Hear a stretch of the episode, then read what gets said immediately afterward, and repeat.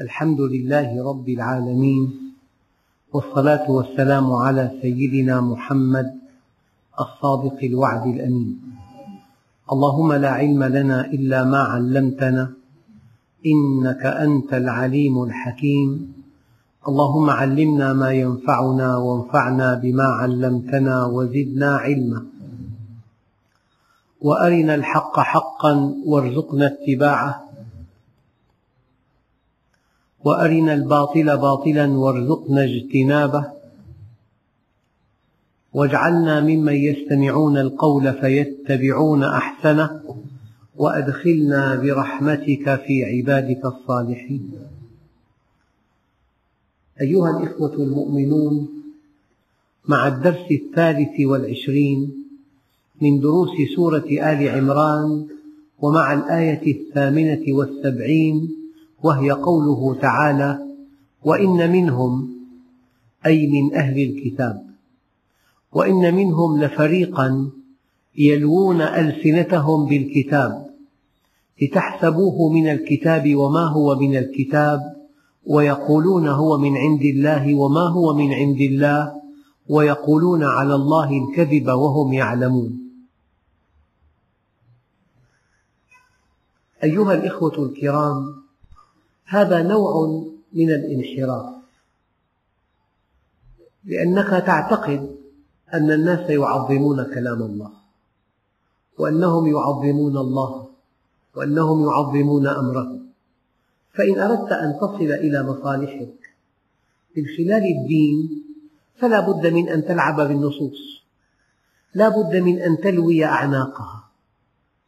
لا بد من أن تؤولها تأويلا غير صحيح.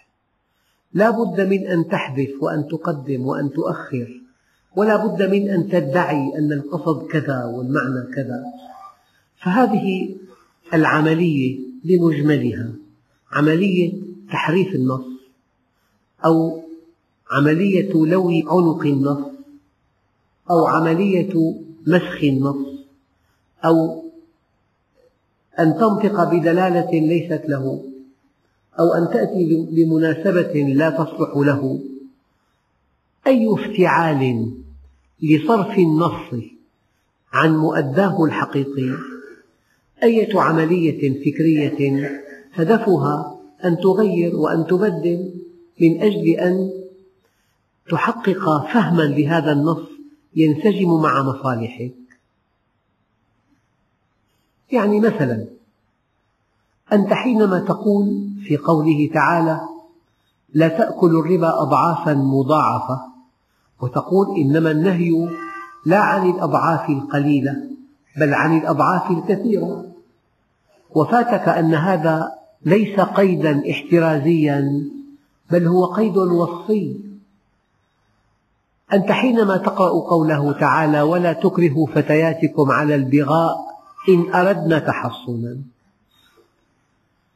فإن لم يردن تحصنا لك أن تكرههن على البغاء. مثلا هذا فهم خطير لهذا النص. هذا فهم في فيه لي لعنق النص. أنت حينما تقول في بعض الآيات ولو شئنا لآتينا كل نفس هداها تقول لا لم يشأ الله أن يهدي البشر. فالله عز وجل يمتحن عباده. يجي إنسان مريض القلب فيفسر هذا النص وفق أهوائه. يقول لك ليس في القرآن آية تقول الخمر حرام حرمت عليكم الخمرة في قال فاجتنبوه. هذا ليس تحريما فإما من كلمة أو من عبارة أو من إضافة أو من حذف أو من الإتيان بأسباب نزول ليست صحيحة على كل هناك محاولة ذكية لصرف النص عن مؤداه الحقيقي. يعني النبي عليه الصلاة والسلام حينما قال من أكل من هذه الشجرة أي الثوم لا يقربن مصلانا هل أراد منك أن تأكل هذا من هذه الشجرة من أجل ألا تأتي إلى المسجد يوم الجمعة؟ مستحيل. ينهاك عن أن تؤذي من حولك. أنت فهمت النص فهما آخر. حينما قال غض بصرك لولا أنه يجب أن تبرز المرأة مفاتنها لما أمرنا بغض البصر. من قال لك ذلك؟ يعني من هالقبيل في نصوص وفي اجتهادات وفي تعليقات لا تعد ولا تحصى. يعني لولا أن المرأة مسموح لها أن تظهر مفاتنها لما أمرنا بغض البصر هكذا. إذا خرجت المرأة متعطرة ليجد الناس ريحها لم ترح رائحة الجنة. تقول امرأة إن أرادت لي عنق النص أنا لا أريد أن يجد الناس هذه الرائحة. لم أقصد. إذا أن تتعطر عطرا فواحا يلفت النظر من دون أن تقصد لا شيء فيه. هذا أيضا لي لعنق النص فهناك نصوص في العقيدة في الفقه في المعاملات. النص واضح وله قواعد أصولية في فهمه وعلم الأصول من أرقى العلوم. حتى إن بعضهم قال إن علماء الدين أمام علماء الأصول عوام. علم الأصول علم استنباط الحكم الشرعي من النص. أما كل إنسان يتأمل في آية أو في حديث فيستنتج منها ما يحلو له بيقول لك شفاعتي لأهل الكبائر من أمتي. آه. لحق حالك بكم كبيرة لك من أجل أن تنالك شفاعة النبي عليه الصلاة والسلام. كلام مضحك. مثل هذه التأويلات وتلك التفسيرات وهذه التخرصات هذه من أجل أن تصرف النص عن مؤداه الحقيقي. عن الغاية النبيلة التي شرع من أجلها. وإن منهم ولا زلنا في هذا التعبير العلمي الدقيق إن منهم أي إن بعضهم ليلوون ألسنتهم بالكتاب لتحسبوه من الكتاب. لك مثلا وما أرسلنا من نبي إلا إذا تمنى ألقى الشيطان في أمنيته. الشيطان للأنبياء أصلا أنا شو أنا نبي أنا. هذه الآية ليس هذا معناها. إذا تمنى النبي هداية قومه ألقى الشيطان في أمنيته هو أن يضلهم. أما أن يصل الشيطان إلى النبي الكريم أين حصانته؟ وأين إقباله؟ وأين نوره؟ يعني هذا الباب إذا فتحناه لا ينتهي. المغرض المنتفع الجاهل المتعصب الذي يريد أن يفهم النصوص كما يحلو له كما يحلو له حتى يغطي بهذا الفهم السقيم انحرافاته. يعني بعضهم ألف كتابا عن القرآن الكريم وبعد قراءة القرآن ثبت له كما يقول أنه لا يجد في كتاب الله ما يمنع المرأة من أن تضع على جسمها إلا ثيابها الداخلية. ولأقربائها ولمن هم أقرب الناس إليها أن يروها كما خلقها الله. هذا كلام لا يحتمل. يقول لك مثلا الحديث أنه انظر إليها ذلك أحرى أن يؤذن بينكما في الخطبة. انظر إليها المطلق على إطلاقه أي انظر إليها كما خلقها الله. هذا كله تحت عنوان لي عنق النص تحريف النص تزوير النص صرف النص عن غايته الأساسية. يعني أنت كمسلم لك مع النص تعامل كبير جدا. دينك دين وحي والوحي نص. يعني أخطر شيء في الدين تعاملك مع النص. هل تفهمه كما أراده الله؟ أم تفهمه وفق مزاجك وأهوائك وشهواتك ومصالحك؟ فالذي يأكل الربا يقول الله ما نهى عن الربا بنسب قليلة. نهى بنسب عالية جدا والدليل لا تأكل الربا أضعافا مضاعفة.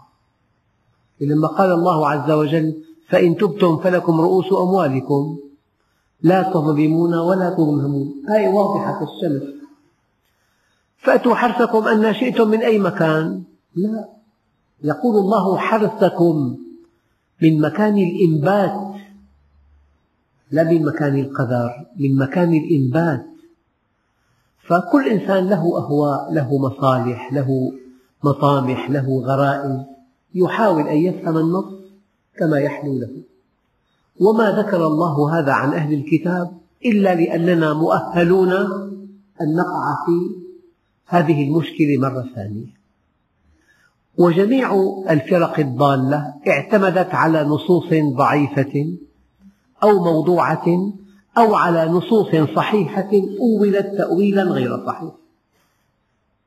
ما من فرقة ضالة إلا اعتمدت على نص موضوع أو ضعيف أو على نص صحيح أول تأويلا مغلوطا. إذا قضية النص قضية خطيرة جدا. أنت معك منهج السماء ومنهج السماء هو الوحي الكتاب القرآن وسنة النبي العدنان. الوحي الأول والثاني الوحي المتلو والوحي غير المتلو نصوص. ولك أن تفهمها كما فهمها علماء الأصول كما فهمها أصحاب رسول الله في الحقب الثلاثة التي جاءت بعده. وقد شهد النبي عليه الصلاة والسلام لهؤلاء الأصحاب الكرام ولهؤلاء التابعين ولتابعي التابعين أي شهد النبي الكريم لقرنه والقرن الذي يليه والقرن الذي يليه أيضا شهد لهذه القرون الثلاثة بالخيرية. فأنا أفهم النص لا كما تحتمله اللغة بل كما فهمه أصحاب رسول الله. يعني مثلا كشاهد لو واحد قال بيت من الشعر قاله بعض أصحاب رسول الله قال ولست أبالي حين أقتل مسلما على أي جنب ألقى في الله مصرعي إلى الجنة. طيب لو قرأت النص من دون ضبط الشكل. ألا يحتمل أن تقول ولست أبالي حين أقتل مسلما؟ على أي جنب ألقى في الله مصرعي إلى النار وبئس المصير. بالعكس حينما يقتل المرء مسلما يخلد في النار. أبدا يخلد في النار. فبين أن تكون من أهل الجنة وبين أن تكون من أهل النار بين أقتل وأقتل. ضمة حركة هو النص يحتمل ضمة ويحتمل فتحة لكن ماذا قال الصحابي؟ أنت حينما تتغنى بهذا البيت قال حين أقتل مسلما. ما قال حين أقتل مسلما؟ مستحيل. يعني احتمالات اللغة لا تكفي. لا بد من أن تفهم ماذا قال الصحابة, الصحابة الكرام. هذا الكلام يقودنا إلى أن أخطر شيء في حياة المؤمن هو فهم النص لا النص نفسه فهمه. يعني مثلا ولا تكرهوا فتياتكم على البغاء. هل بربك هل في العالم الإسلامي كله أب واحد يكره ابنته على الزنا؟ مستحيل. لكن الآية تقول كلما جاءك خاطب رددته. هذا لضآلة دخله وهذا لبعد بيته وهذا لعدم آه، لياقته وهذا وهذا. وأنت مرتاح ابنتك تتمنى زوجا يسترها ويحفظها ويحميها وتأنس به ويأنس بها. وأنت تبحث عن أدق العيوب وترفض الخاطب لأدق العيوب. أنت ماذا تعمل؟ أنت بهذا تقوي رغبة ابنتك في الزواج. وفي ساعة غفلة قد قد تفتقدها من البيت. وفي ساعة غفلة قد تسقط في في حمأة الرذيلة وفي ساعة غضب قد تستسلم لشاب أغراها بكلام معسول. لأنه كلما جاءك الخاطب رددته هذه معنى الآية؟ ولا تكرهوا فتياتكم على البغاء. إن أردنا تحصنا هي تريد أن تكون محصنة. وأنت لا تريد لها. تريد شاب تفتخر به تفتخر بماله وتفتخر ببحبوحته هكذا الآية. أما هل يعقل أن يكره إنسان فتاته على الزنا؟ مستحيل. فاسألوا أهل الذكر إن كنتم لا تعلمون. أهل الذكر هم أهل الوحي. والله عز وجل يقول بل كذبوا به ولما يأتهم تأويله. معنى ذلك ينبغي أن تفهم تأويل هذا القرآن الكريم من أهل الذكر من أهل الوحيين.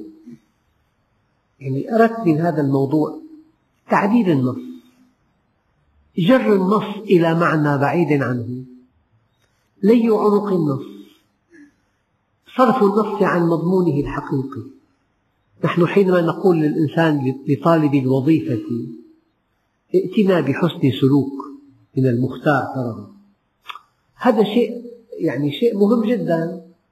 أن يشهد لك مختار محلتك أنك إنسان طيب وصالح. لكن هذا الأمر فرغ من مضمونه. يعني أي إنسان يطلب حسن سلوك يأخذ حسن سلوك ولو كان قاطع طريق. فإذا الوثيقة ما عاد قيمة إطلاقا. فرغت من مضمونها مثلا. فرغت من مضمونها. انتهت الوثيقة هذه. فالنصوص حينما تؤول تأويلا مغلوطا وحينما تصرف عن معناها الصحيح إلى معنى مفتعل مغلوط حينما نقدم ونؤخر ونضيف حركة ونحذف حركة. يعني ذكرت لكم بعض الأمثلة من شاء فليؤمن ومن شاء فليكفر وما تشاءون إلا أن يشاء الله. أخي ما تصلي الله ما شاء ليكفر شو الحكي؟ هي الآية؟ وما تشاءون إلا أن يشاء الله. هل فهمت الآية هكذا؟ لا. يعني إذا استحققت دخول الجنة لأن الله منحك حرية الاختيار. ولولا أن الله تفضل عليك ومنحك حرية الاختيار لما كنت مختارا ولما كنت بهذا الاختيار من أهل الجنة. هذا معنى قوله تعالى وما تشاءون إلا أن يشاء الله. يقول لك الله عز وجل لا يريد هداية عباده. والدليل ولو شئنا لآتينا كل نفس هداها ولكن حق القول مني. لأملأن جهنم لنعبيها هذا فهم سقيم جدا. يعني هناك من يدعي أن الله أجبره على المعصية. يقول الله عز وجل يا عبادي لو أنني كنت مجبركم على شيء لما أجبرتكم إلا على الهدى. ولو شئنا أن نجبركم لو شئنا أن نسلبكم اختياركم لو شئنا أن نلغي هويتكم لو شئنا أن تكونوا كمخلوقات أخرى مسيرين وأجبرناكم على شيء ما لما أجبرناكم إلا على الهدى. أما هذا الذي تفعلونه من اختياركم. ومن كسبكم ومن صنع أيديكم لذلك سوف تدفعون ثمنه بعد. هذا المعنى. بين أن تفهم أن الله لا يحب هداية خلقه. يعني لا مثلا معقول تلاقي حاجز بالطريق. شو؟ خير يلا على عذرة كلكم. شوفي فاضي لأنه بدنا نعبي مو معقول الكلام. ما في عقل بيقبله هناك من يفهم الآية هكذا. ولكن حق القول مني لأن جهنم من الجنة والناس أجمعين. لا ليس هذا هو المعنى. إلا إذا تمنى ألقى الشيطان في أمنيته.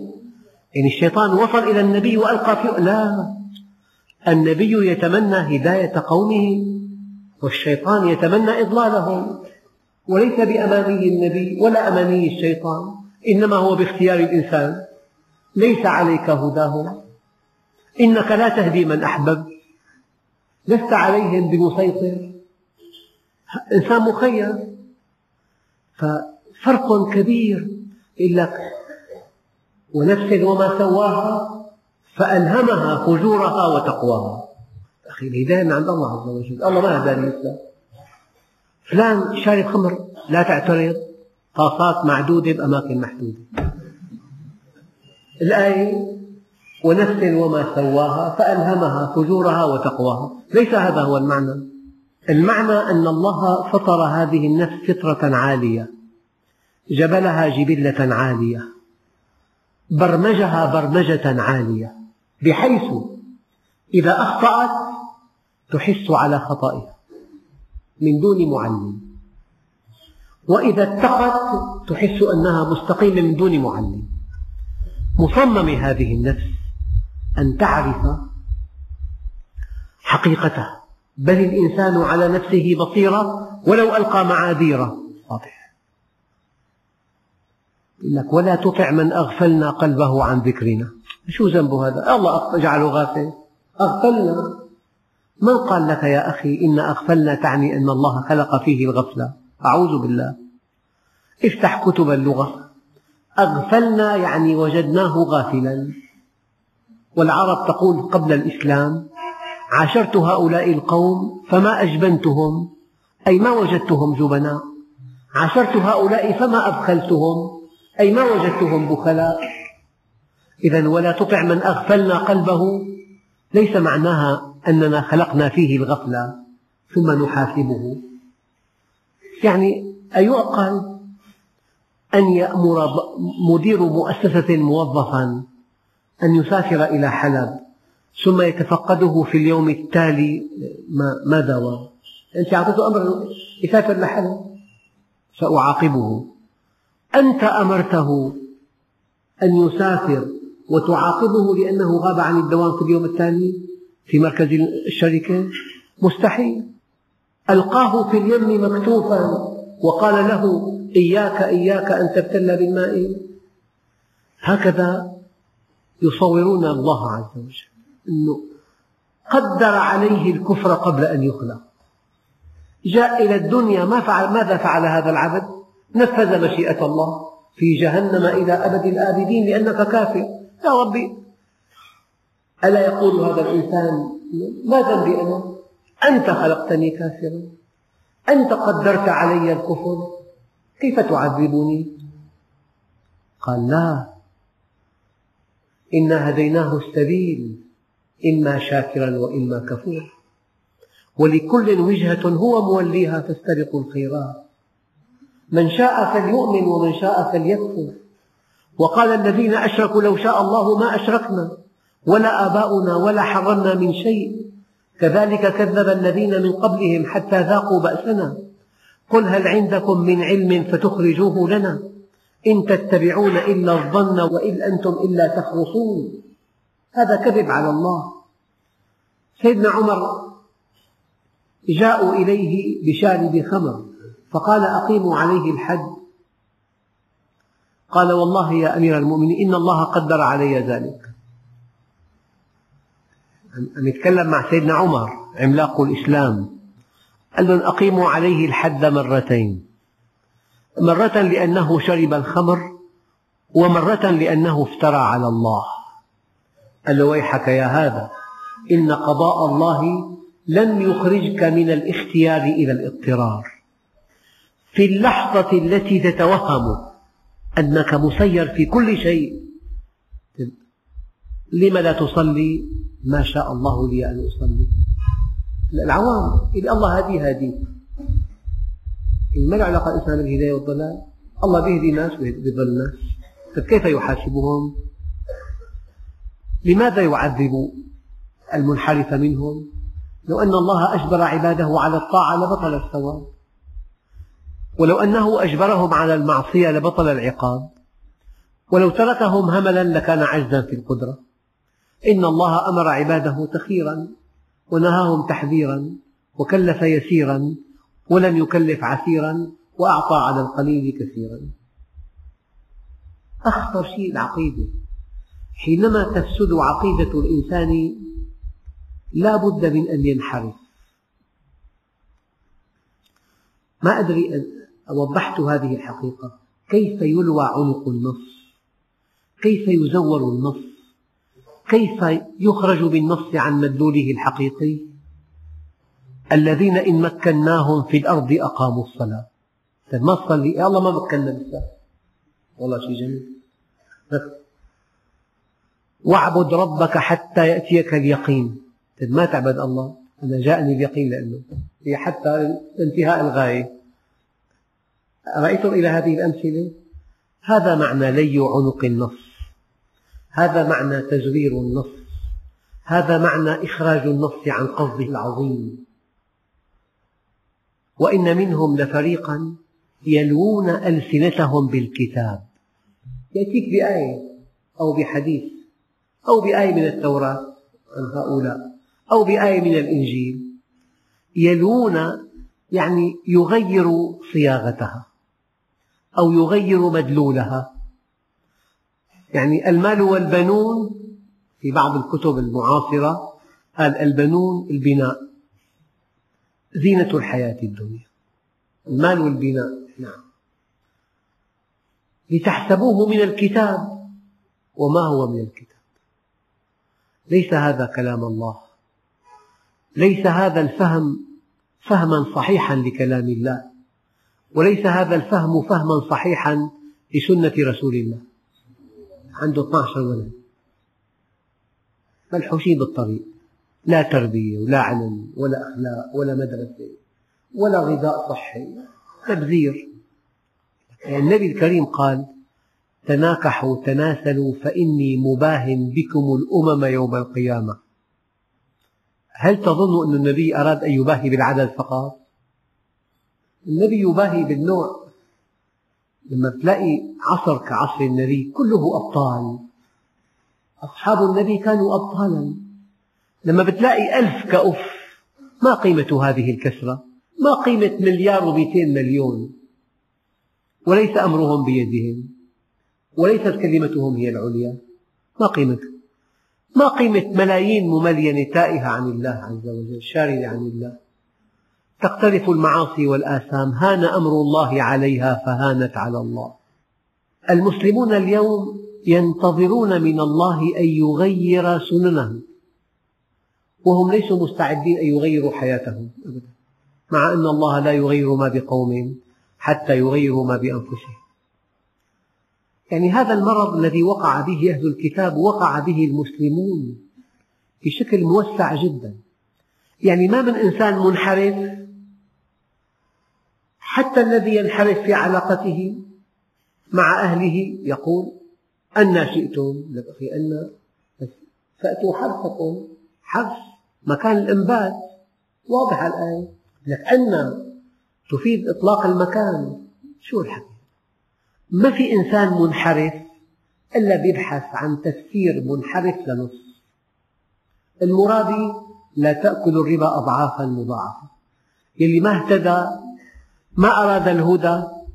أخي إن الله يهدي من يشاء ويضل من يشاء. هذا مو شغلنا. هذا شيء من من المناقشات والحوارات بين الناس. تجد أن كل إنسان مقترف معصية يبحث عن غطاء للنصوص تغطي. يعني إذا كان واحد ما بده يساعد فقير يقول لك ما لك أرحم من ربك. لا تساعده. إنه الله قدر عليه الفقر لازم ما تساعده هيك فهمك؟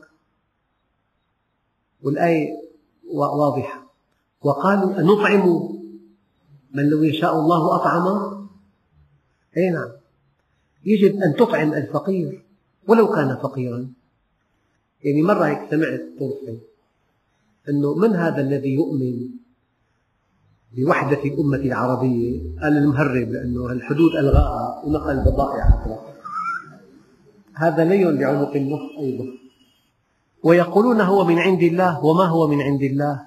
هذا من تخرصاتهم من أهوائهم من شهواتهم من انحرافاتهم من رغباتهم المريضة. ويقولون على الله الكذب وهم يعلمون. يا أخوان أخطر شيء في الحياة أن تكذب على الله. أخطر شيء في الحياة أن تكذب على رسول الله. من كذب علي متعمدا فليتبوأ مقعده من النار. والكذب على رسول الله كأنه كذب على الله لأن الله أمرنا أن نأخذ ما قاله النبي. وما آتاكم الرسول فخذوه وما نهاكم عنه فانتهوا. الله أمرنا. فإذا أتيت بحديث موضوع أو بحديث غير صحيح أو حديث ضعيف وأوهمتنا أنه من كلام النبي عليه الصلاة والسلام أنت ماذا فعلت؟ كذبت على الله. لأنك كذبت على المبلغ الذي يبلغ عن الله عز وجل. إذا ويقولون على الله الكذب وهم يعلمون. تقول واحد أنا والله ما لي قصد أكذب عن النبي. النبي قال من كذب علي متعمدا. أنا ما لي متعمد. أنا في عندي كتاب قديم عند والدي عم بقرأ فيه هي كلها أحاديث موجودة بكتاب والدي. ما عملت شيء. اسمع الحديث الثاني من حدث عني حديثا يرى أنه كذب فهو أحد الكاذبين.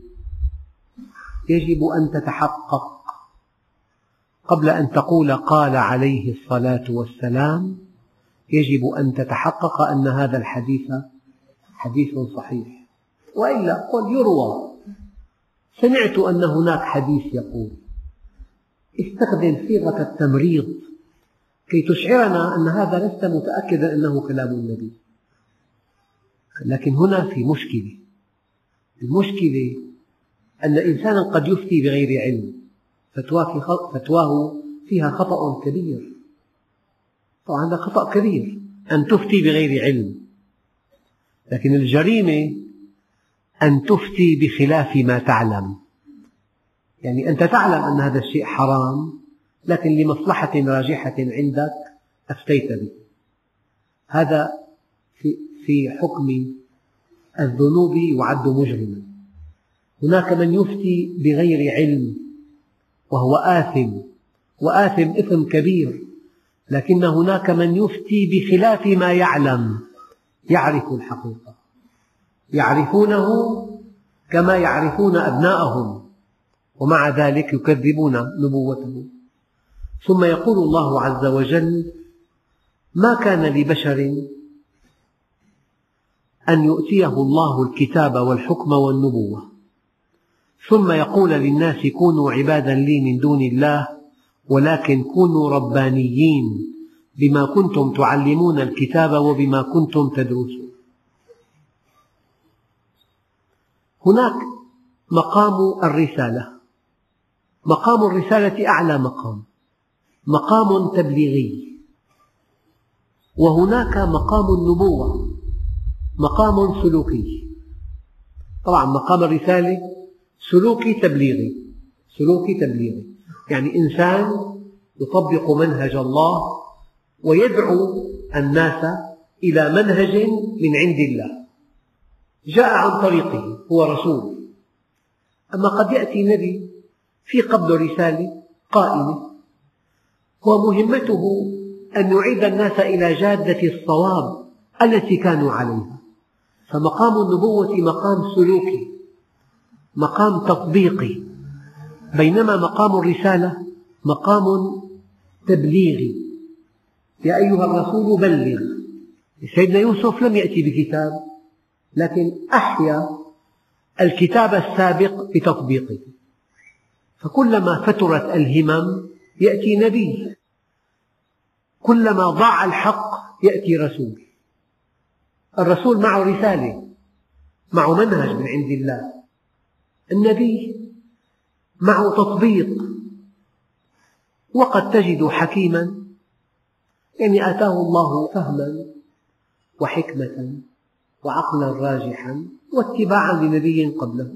هذا اسمه حكيم. وإذ قال لقمان لابنه وهو يعظه يا بني لا تشرك بالله. إن الشرك لظلم عظيم. فلقمان حكيم. وسيدنا يوسف نبي. وسيدنا محمد رسول. بل هو سيد الرسل. فهناك حكيم معه حق ويطبق هذا الحق. وهناك نبي معه منهج سابق يطبقه. وهناك نبي نبي جاء بمنهج جديد فهو رسول. يقول الله عز وجل ما كان لبشر أن يؤتيه الله الكتاب. يعني رسول معه كتاب معه وحي. والحكمة معه حكمة كسيدنا لقمان والنبوة معه نبوة. يعني لا في حكيم معتمد عند الله أنه حكيم ولا في نبي ولا في رسول يمكن أن يؤتيه الله الكتاب والحكم والنبوة ثم يقول للناس كونوا عبادا لي. مستحيل. الله يعلم حيث يجعل رسالته. مستحيل. وألف ألف ألف مستحيل أن تؤتى كتابا أو حكمة أو نبوة ثم تدعي الألوهية وتقول كونوا عبادا لي من دون الله. مستحيل. لأنه هي جريمة كبيرة جدا أن تدعي الألوهية وأن تقول للناس اعبدوني من دون الله. لكن ماذا يقول هؤلاء؟ ماذا يقول النبي؟ وماذا يقول الرسول؟ وماذا يقول الحكيم؟ ولكن كونوا ربانيين. من هو الرباني؟ لأوضح لكم هذه الحقيقة. تقول فلان علماني. طبعا أصل كلمة علماني يعني العلم متغلغل في دمه. في كل حركاته وسكناته وأقواله وأفعاله ينطلق من العلم. هوايته العلم مطالعته كتب العلم حديثه في العلم يعني مزاجه في العلم. طموحه في العلم همومه أن يكون عالما. هذا إنسان علماني. لكن قد نجد هذه الكلمة تستخدم استخدام غير صحيح. يعني علماني يعني هو يحارب الدين أو علماني يحارب الدين الإسلامي فقط. هذا مضمون كلمة علماني يعني بالواقع. أما كلمة علماني يعني شديد الالتصاق بالعلم. تقول مقالة علمية مو علمانية علمية فقط. تقول كتاب علمي محاضرة علمية موقف علمي. يعني الموقف يغلب عليه الطابع العلمي. هذه المحاضرة يغلب عليها الطابع العلمي. أما إن أردت أن تقول أن كل كلمة في هذه المحاضرة تتصف بالعلم العميق. تقول محاضرة علمانية. واحد معه شهادة ثانوية. تقول هذا مثقف علمي. يحمل ليسانس علمي. لكن العلم تغلغل في أعماقه حتى وصل إلى كل حنايا جسمه وإلى كل قطرات دمه وخلايا جسمه. يعني لو عصرته لما وجدت إلا علما. تقول فلان علماني. قدمت لكم بهذا المثل. يعني كلمة علماني غير علمي يعني شدة اتصاف الشيء بالعلمية. شدة الاتصاف يعني قد تقول أن هذا البيت فيه شيء من الجمال في غرفة ضيوف جميلة أما غرف أخرى سيئة جدا. أما إذا كل سنتي بالبيت ينطق بالذوق تقول بيت جمالي يعني تعطيه صفة أعلى بكثير. هذا تمهيد. ما معنى كونوا ربانيين؟ يعني كيانه كله متعلق بالرب. حديثه كله عن الله حركاته وسكناته كلها وفق منهج الله. أهواؤه أن يهتدي الناس جميعا. طموحاته أن يكون عند الله مقربا. آماله أن يكون الله في قلوب الناس جميعا. ولكن كونوا ربانيين يعني شدة نسبة الإنسان إلى ربه يعبر عنها بكلمة رباني. يعني قل إنما أنا بشر مثلكم يوحى إلي. النبي عليه الصلاة والسلام على جلال قدره كان ربانيا. يعني تقريب. لو عندك لوح بلور مركب على باب البلور يعني من أعلى مستوى. عنه بلجيكي شفاف. من شدة شفافيته ونظافته قد لا تراه ترى ما خلفه دائما. وفي حوادث كثيرة واحد البلور نظيف جدا فاخترقه برأسه. ظل ما في بلور. إذا كان بلور صافي جدا يشف عما وراءه. من هو الرباني؟ لا يشف عن ذاته. يشف عن ربه في كل حركاته وسكناته وأقواله وأفعاله وعمله ولهوه ومرحه ومع أهله ومع إخوانه وفي نزهة وفي مقام يتحدث عن ربه وقد قال عليه الصلاة والسلام برئ من النفاق من أكثر من ذكر الله. يا أيها الذين آمنوا اذكروا الله ذكرا كثيرا. كثيرا. يعني الرباني يشف عن حقيقة الدين يشف عن كمال الله يشف عن كمال رسول الله. لا يلفتك إلى نفسه يقول لك أنا أنا ضجرت من هذه الكلمة. أنا وأعوذ بالله من كلمة أنا وبيحكي عن حاله. كل حديثه عن نفسه مفتخرا معظما وكل ما قال أنا يضيف لنا أربع كلمات بعد منه. أعوذ بالله من كلمة أنا ويمدح نفسه. الأضواء لا يسلطها على ذاته لكن يتحدث عن ربه. ما ذكرني عبدي في نفسه إلا ذكرته في ملائكتي.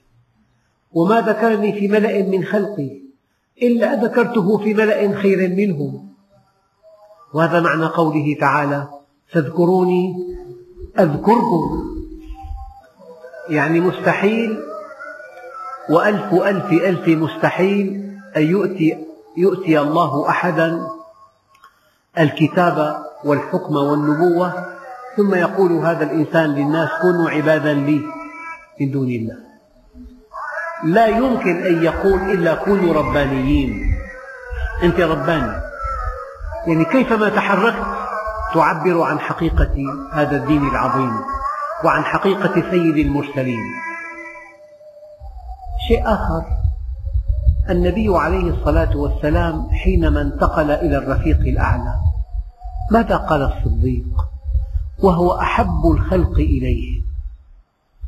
ما من بشرين على وجه الأرض أحب كل منهما الآخر كما أحب النبي الصديق وكما أحب الصديق النبي. ومع ذلك حينما وافته المنية لرسول الله قال من كان يعبد محمدا فإن محمدا قد مات. ومن كان يعبد الله فإن الله حي لا يموت. رباني المؤمن. كل حركاته وسكناته وأقواله وأفعاله وفي كل أوقاته مع الله ينطق بالله يستعين بالله يفوض أمره إلى الله راض بقضاء الله راض بحكم الله يسعى لخدمة عباد الله يسعى لنشر الحق يسعى لمسح الآلام عن عن البؤساء والفقراء. هذا همه رباني يعني. بالمقابل في فلان شيطاني. شيطاني. خبيث. كيفما تحرك يؤذي بكلماته وحركاته وسكناته. يأكل المال الحرام ويفرق بين الأنام. وأينما تحرك يؤذي أبدا. في رباني وفي شيطاني وفي شهواني. كلمة شهواني يعني شدة اتصافه بالشهوة. كلمة رحماني شدة اتصافه بالرحمة. نعم. كلمة رباني شدة محبته لربه. ولكن كونوا ربانيين كيف لا بما كنتم تعلمون الكتاب. وبما كنتم تدرسون. المدارسة أن نقرأ النص معا ونتعاون على فهمه واستنباط الأحكام منه. هذه المدارسة؟ والتعليم أبلغ أنت متمكن متمكن من هذا النص وتعلمه للناس. كيف تخالفه؟ ولا يمكن لهذا النبي أو الرسول أو الحكيم أن يأمركم أن تتخذوا الملائكة والنبيين أربابا. أيأمركم بالكفر؟ هذا موضوع دقيق. هناك أشخاص يؤلهون بعضهم بعضا. يقول لك أنا لم أقل إنه إله. نعلم ذلك. لم تقل إنه إله. ولكنك عاملته كإله. أخذت أمره ولم تعرضه على الشرع.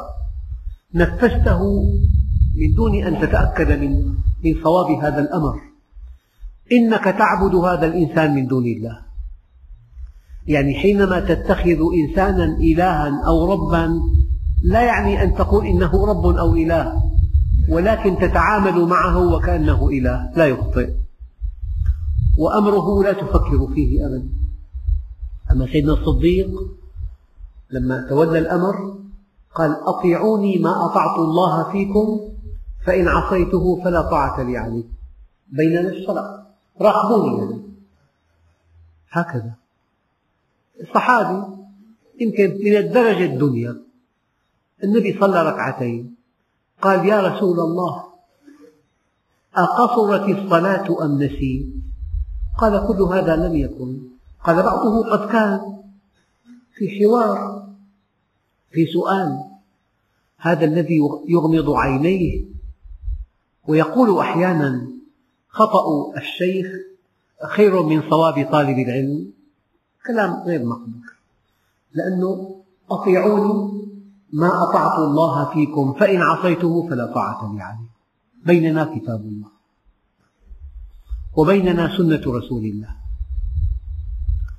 ولا يأمركم أن تتخذوا الملائكة والنبيين أربابا أيأمركم بالكفر؟ إن أنت حينما تعظم إنسانا فيصل تعظيمك لهذا الإنسان إلى درجة أنك تطيعه على عمى. هذا تأليه. اتخذته إلها واتخذته ربا. يعني الصحابة الكرام بحكمة أرادها الله أمر النبي على بعضهم رجل من الأنصار ذا دعابة. فلما انطلقوا استوقفهم وقال أضربوا نارا عظيمة أضرموها قال اقتحموها لما؟ قال أنا آمركم بهذا ألست أميركم؟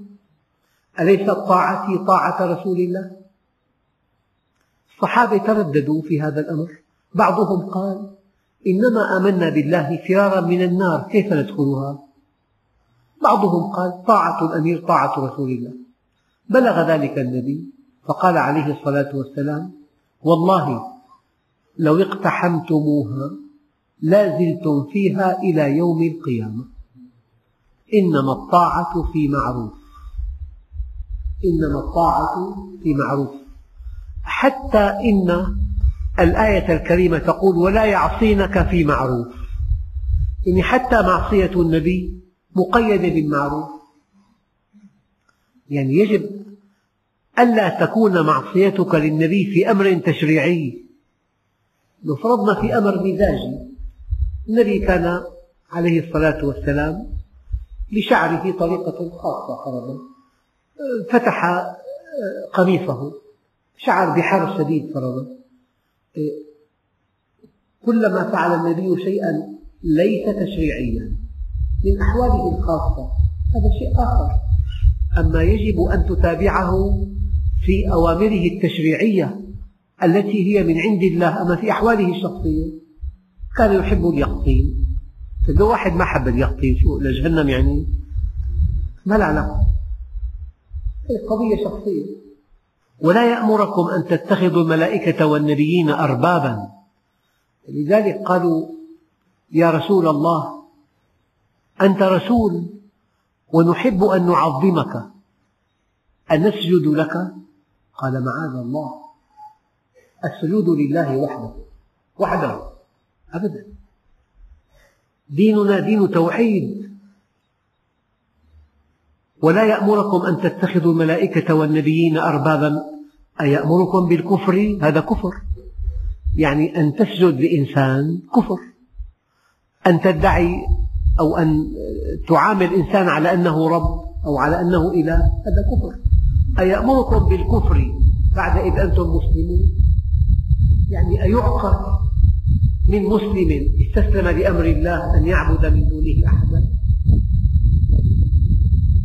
أرجو الله سبحانه وتعالى أن يعيننا في الدرس القادم على متابعة هذه الآيات. والحمد لله رب العالمين. هل الذهاب إلى من يفك السحر حرام أو حلال؟ وإذا كان حرام فما البديل؟ أنا ما عندي غير آيات الاستعاذة بالله. وإما ينزغنك من الشيطان نزغ فاستعذ بالله. إن عبادي ليس لك عليهم سلطان.